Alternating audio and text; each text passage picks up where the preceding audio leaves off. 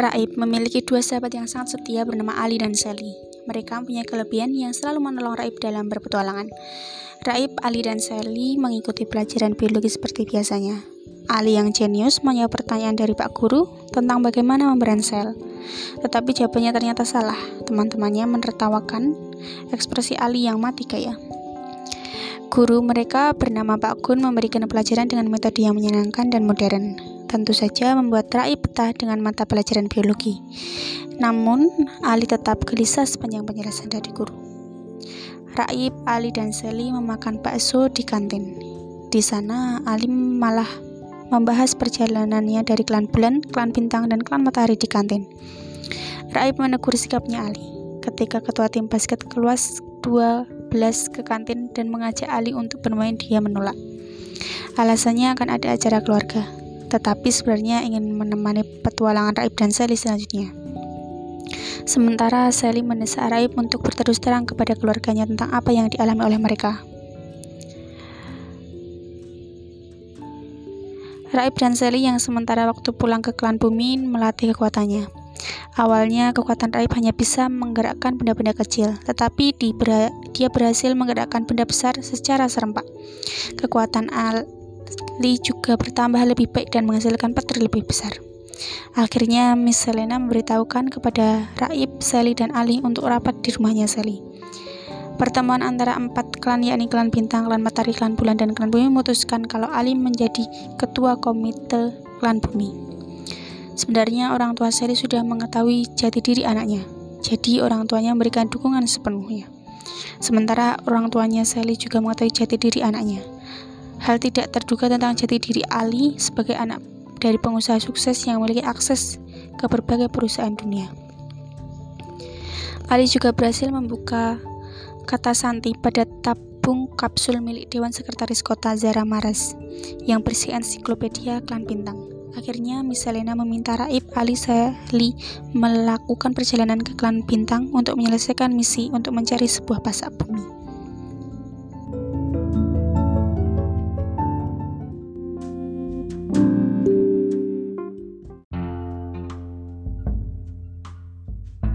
Namanya Ali, 15 tahun, kelas 10. Jika saja orang tuanya mengizinkan, seharusnya dia sudah duduk di tingkat akhir ilmu fisika program dokter di universitas ternama. Ali tidak menyukai sekolahnya, guru-gurunya, teman-teman sekelasnya. Semua membosankan baginya. Tapi sejak dia mengetahui ada yang aneh pada diriku dan Sally, teman sekelasnya, hidupnya yang membosankan berubah seru. Aku bisa menghilang dan Sally bisa mengeluarkan petir. Ali sendiri punya rahasia kecil. Dia bisa berubah menjadi beruang raksasa. Kami bertiga kemudian berputaran ke tempat-tempat menakjubkan. Namanya Ali. Dia tahu sejak dulu dunia ini tidak sesederhana yang dilihat orang. Dan di atas segalanya, dia akhirnya tahu persahabatan hal yang paling utama. Sepulang dari klan bulan dengan keadaan berduka karena meninggalnya Ili, Raib Sali dan Ali diperintahkan untuk menjalani kehidupan seperti remaja lainnya. Ali mendadak populer karena masuk tim basket dan menjadi pemain basket hebat dalam tim basket. Raib merasa bahwa Ali curang, tapi Ali tetap mengelak. Karena kejeniusan dan rasa penasaran, Ali membuat kapsul perak yang ia beri nama Ili. Ali juga mempelajari pengetahuan baru dari tabung perak pemberian AF Merchandise Gift yang berisi soft copy seluruh arsip perpustakaan klan bulan. Karena itulah Ali ingin berbuat berpetualang menuju klan bintang yang letaknya tak banyak diketahui orang.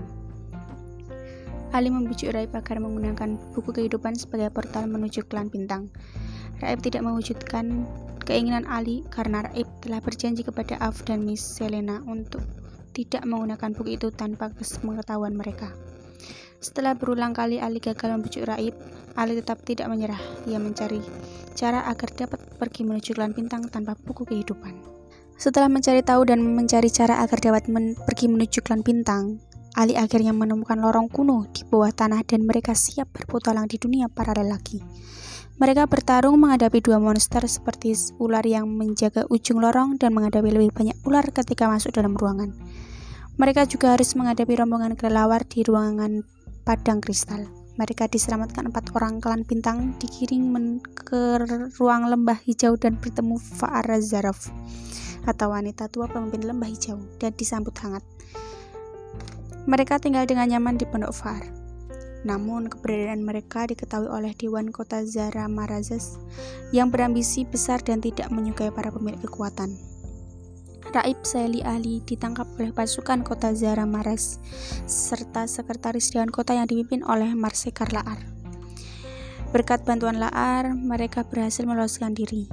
Faar memberikan granat EMP kepada Laar dan Laar memberikannya kepada Ali. Atas usul Laar, mereka menemui Kaar, pemilik restoran Lezazel.